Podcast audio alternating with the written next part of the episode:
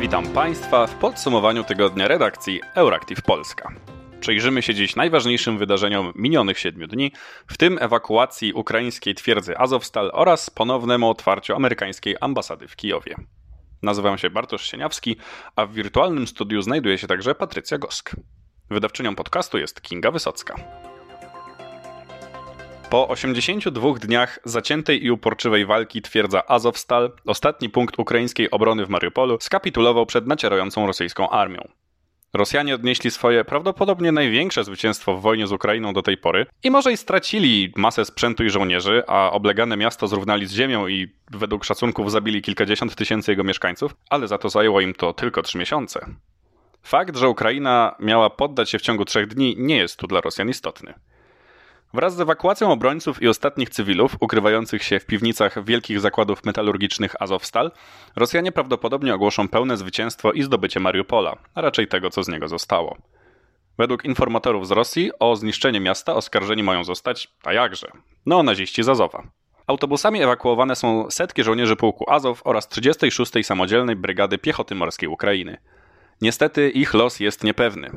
Póki co trafili na okupowane przez Rosjan tereny ukraińskie – Żołnierze, znajdujący się w ciężkim stanie, zostali przewiezieni do szpitali, a inni na przesłuchanie. Część z nich prawdopodobnie zostanie wymieniona z Ukrainą za rosyjskich jeńców wojennych. Istnieje jednak obawa, że obrońcy zostaną uwięzieni w Rosji i będą sądzeni jak zbrodniarze wojenni czy terroryści. W rosyjskiej dumie szykowany jest także projekt zakazujący wymieniania się jeńcami, którzy oskarżeni zostali o nazizm. Może to utrudnić akcję wymiany jeńców między walczącymi krajami.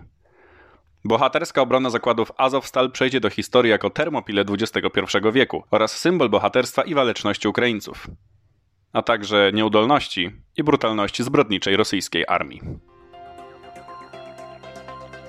Donald Tusk od poniedziałku apeluje do innych partii opozycyjnych, poza Konfederacją, o utworzenie wspólnej listy wyborczej przed wyborami parlamentarnymi, które planowo mają odbyć się w przyszłym roku. Lider Platformy Obywatelskiej doszedł do wniosku, że tylko w ten sposób opozycja ma szansę wygrać z władzą PiS. Na podstawie niedawnego sondażu Ipsos, wskazującego, że jeśli opozycja się zjednoczy, Polacy wybiorą właśnie ją.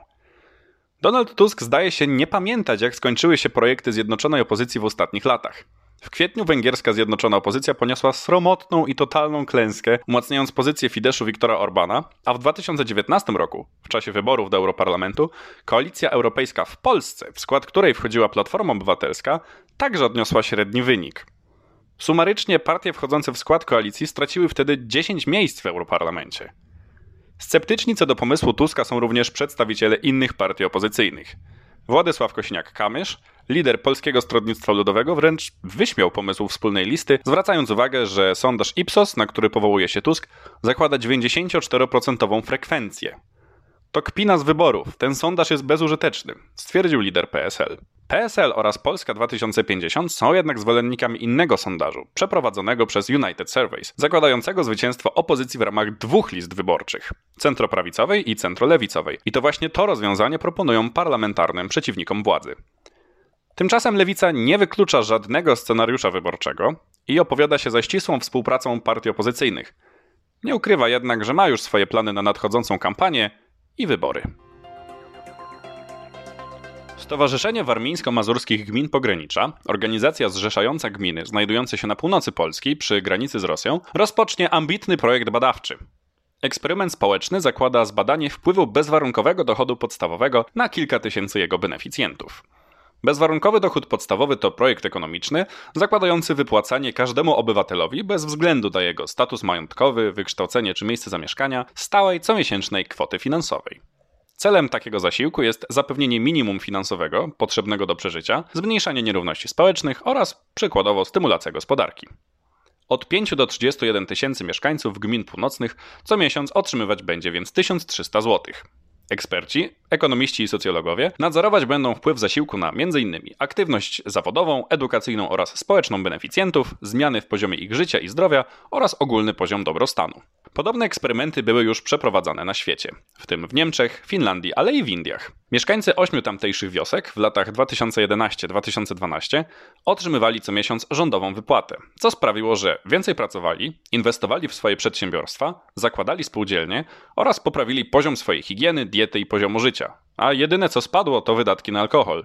Odpowiada to na jedno z powszechnych w społeczeństwie uprzedzeń, że jeśli oddamy pieniądze bezpośrednio do ręki, ludzie zmarnują je na alkohol i przepiją. Powiedział zaangażowany w polski projekt ekonomista i członek zarządu krajowego lewicowej partii Lewica Razem, dr Michał Schlinder. Polityczna telenowela, jaką jest dołączenie Finlandii i Szwecji do NATO, trwa, a jej akcja rozwija się. Projekt dołączenia tych dwóch dotychczas neutralnych państw do militarnego układu Zachodu przykował uwagę zainteresowanych już od dłuższego czasu. 18 maja oba kraje w końcu po tygodniach zapowiadania oficjalnie złożyły wniosek o dołączeniu do Paktu Północnoatlantyckiego. Szwedzki i finlandzki ambasador przekazali odpowiednie dokumenty na ręce Jensa Stoltenberga, sekretarza generalnego sojuszu. Ale dołączenie Skandynawów do NATO nie będzie proste. Turcja, druga największa armia NATO, już zapowiedziała, że będzie blokować akcesję Szwecji i Finlandii do układu. Kraje sceptycznie nastawione do wzmocnienia swojego militarnego sojuszu chcą o tym jeszcze rozmawiać. Tymczasem rosyjska propaganda zakrztusiła się wojskową sytuacją na północy Europy. Rosjanie, prawdopodobnie nie spodziewając się żadnej stanowczej reakcji Zachodu na ich inwazję na Ukrainę, tym bardziej nie spodziewali się, że ich akcja przekona neutralnych od dekad dotąd Szwedów i Finów do dołączenia do NATO. W ciągu tygodnia rosyjscy politycy, w tym Władimir Putin, zdążyli przekazać w mediach, że decyzja Szwecji i Finlandii zagraża Rosji, decyzja Szwecji i Finlandii nie zagraża Rosji oraz że decyzja Szwecji i Finlandii nic nie zmieni.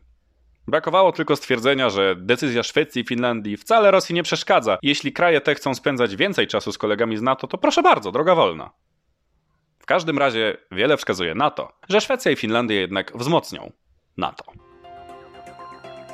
Nowa prezydent Węgier Katalin Nowak przyjechała do Polski ze swoją pierwszą zagraniczną wizytą i spotkała się z prezydentem Andrzejem Dudą, premierem Mateuszem Morawieckim i marszałek Sejmu Elżbietą Witek. Rozmowy polityków dotyczyły wojny w Ukrainie, ze szczególnym uwzględnieniem relacji Węgier z krajem agresorem, a także stosunków dwustronnych między Polską i Węgrami. Swoją kadencję Katalin Nowak, pierwsza w historii Węgier kobieta na tym stanowisku, rozpoczęła zaledwie tydzień temu. Wcześniej pełniła rolę m.in. minister bez teki do spraw rodziny. To, że pani prezydent podjęła decyzję, aby pierwsze kroki skierować do Polski, do Warszawy, jest dla mnie znakiem tego, że przyjaźń między Polską i Węgrami, między prezydentami Polski i Węgier będzie kontynuowana, powiedział Andrzej Duda na wspólnej konferencji prasowej w Belwederze. Przybywam do Warszawy z miłością w sercu. Było to dla mnie zupełnie oczywiste, że moja pierwsza podróż musi prowadzić do Polski i do Warszawy, zapewniła ze swej strony Nowak. Węgierska prezydent przypomniała swój swoisty dekalog, który, jak powiedziała, jest jej punktem widzenia na temat wojny w Ukrainie, a który przedstawiała po swojej inauguracji. Znalazło się w nim m.in. potępienie putinowskiej agresji, zbrojnego ataku na suwerenne państwo, Trwała niezgoda na wszelkie wysiłki, które miałyby na celu przywrócenie Związku Radzieckiego, a także pokojowa deklaracja węgierskiego narodu. My, Węgrzy, chcemy pokoju. W Węgrzech i w krajach sąsiednich chcemy wygrać pokój, a nie wojnę.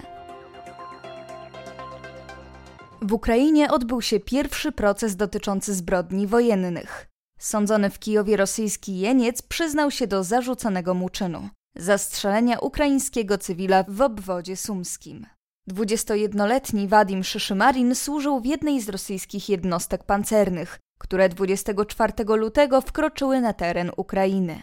Już cztery dni później, 28 lutego, Szyszymarin we wsi Czupachiwka w obwodzie sumskim zastrzelił 62-letniego ukraińskiego cywila.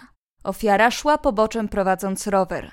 Gdy minął rosyjską kolumnę pancerną, został kilkakrotnie postrzelony w głowę i poniósł śmierć na miejscu. Strzelał właśnie Szyszymarin, któremu nakazał to dowódca, bowiem obawiał się, że ukraiński cywil poinformuje siły zbrojne Ukrainy o pozycji wojsk rosyjskich. Szyszymarin odmówił złożenia zeznań. Kiedy odczytano mu ustalenia prokuratorów oraz zapytano, czy je potwierdza, przytaknął. Na sali obecna była wówczas wdowa po zamordowanym przez Szyszy Marina mężczyźnie. Rosyjski parlament zamierza we współpracy z resortem dyplomacji dokonać rewizji umów międzynarodowych, których stroną jest Federacja Rosyjska. Duma opowiada się za wystąpieniem ze Światowej Organizacji Handlu i Światowej Organizacji Zdrowia. Musimy zrewidować nasze zobowiązania międzynarodowe. Traktaty, które dziś nie przynoszą żadnych korzyści, a wręcz przeciwnie, bezpośrednio szkodzą naszemu krajowi, stwierdził wiceprzewodniczący rosyjskiej Dumy Piotr Tołstoj. Ministerstwo Spraw Zagranicznych przesłało do Dumy Państwowej listę takich umów. Razem z Radą Federacji zamierzamy je przeanalizować i zaproponować denonsację, oznajmił Tołstoj. Rosja wystąpiła z Rady Europy. Teraz przyszedł czas na wystąpienie z WTO i WHO. Ocenił. Jeszcze w ubiegłym miesiącu Kreml zaprzeczał, jakoby zamierzał wycofać Rosję z WHO i WTO. Rosyjska misja przez WTO zapewniała w rozmowie z portalem Politico, że kraj wyraża wolę pozostania w organizacji. Także regionalny dyrektor WHO na Europę, Hans Kluge, przekazał tydzień temu, że Rosja wyrażała chęć kontynuowania współpracy z WHO i nie zgłaszała żadnych sygnałów sugerujących zamiary wystąpienia ze Światowej Organizacji Zdrowia. Po trzymiesięcznej przerwie amerykańska ambasada w Kijowie ponownie będzie otwarta. 18 maja wieczorem nad ambasadą w ukraińskiej stolicy zawisła flaga Stanów Zjednoczonych Ameryki. Oficjalnie wznawiamy operację, powiedział Reuterowi rzecznik placówki Daniel Langenkamp. Jak poinformował Langenkamp, do Kijowa wróci niewielka liczba amerykańskich dyplomatów. Zaznaczył, że operacje konsularne nie zostaną natychmiast wznowione, a Departament Stanu nadal nie udziela porad dotyczących podróży po całej Ukrainie. Ambasada USA w Kijowie została zamknięta 14 lutego. Jej pracownicy spędzili pierwsze dwa miesiące wojny w Polsce. Wiele krajów zachodnich, w tym Francja, Niemcy i Wielka Brytania, ponownie otworzyło swoje ambasady w Kijowie w ciągu ostatniego miesiąca po tym, jak wojska rosyjskie wycofały się z północy Ukrainy, aby skupić się na ofensywie na wschodzie kraju. Tymczasem Senat USA jednogłośnie zatwierdził w środę nominację Bridget Brink na ambasadora w Ukrainie, po tym jak przesłuchanie w tej sprawie odbyło się zaledwie dwa tygodnie po ogłoszeniu jej nominacji 25 kwietnia przez prezydenta Joe Bidena. Szybkie działanie podkreśla dążenie obu partii do wysłania ambasador, która wsparłaby prezydenta Ukrainy Wołodymyra Załańskiego w obliczu inwazji Rosji. To już wszystko w dzisiejszym podsumowaniu tygodnia Euractiv Polska. W imieniu całej redakcji życzę Państwu udanego weekendu. Do usłyszenia za tydzień.